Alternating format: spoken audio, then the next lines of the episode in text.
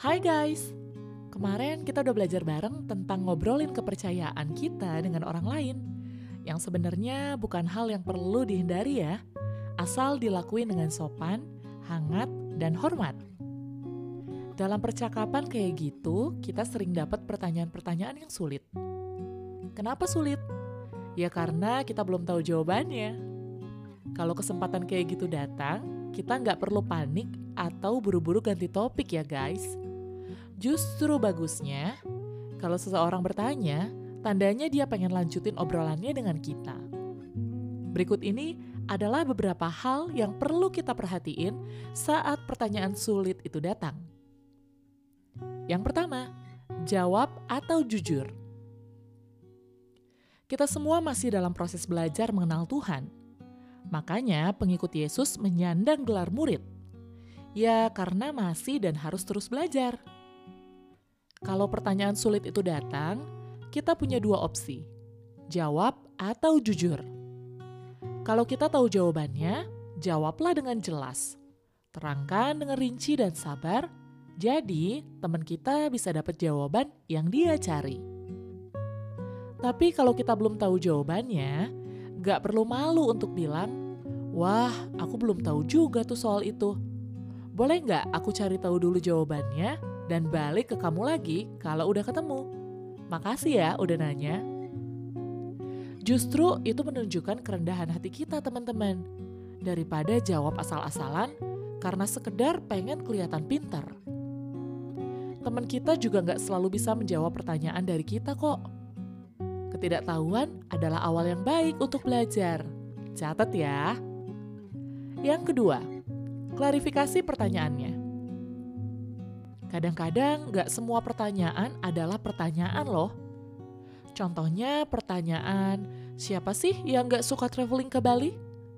Maksudnya adalah semua orang suka traveling ke Bali. Kita sering mendengar pertanyaan, emangnya kita siapa? Berhak bilang kalau kepercayaan orang lain itu salah.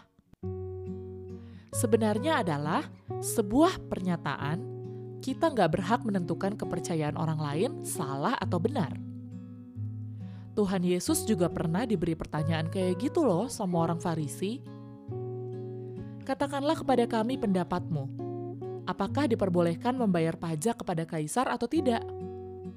Tetapi Yesus mengetahui kejahatan hati mereka itu, lalu berkata, "Mengapa kamu mencobai aku, hai orang-orang munafik?" Seperti tertulis di Matius 22 ayat 17 sampai 18. Nah, teman-teman, tujuan kita mengklarifikasi pertanyaan adalah untuk tahu maksud atau asumsi tertentu di balik dari pertanyaan itu. Jadi, kita bisa memberikan jawaban yang tepat, teman-teman. Setiap ada pertanyaan datang, gak usah ragu ya untuk bertanya balik sebelum menjawab. Maksud kamu gimana?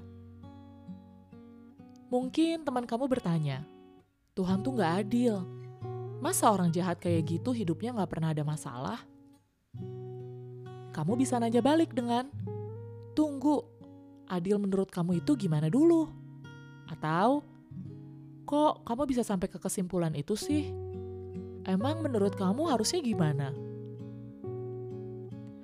Dari sana kamu bisa jelasin pelan-pelan tentang keadilan Tuhan yang justru membuat Yesus Kristus turun ke dunia untuk menanggung hukuman atas kejahatan kita. Hal yang ketiga yang harus kita perhatiin juga adalah tentang beban pembuktian. Yang penting banget kita pahami supaya kita tetap bisa cerita tanpa harus menjawab pertanyaan-pertanyaan yang sebenarnya nggak perlu dijawab. Bagian ini akan diulas di part 2 ya. Kalian bisa cek blog dari Yesi Is.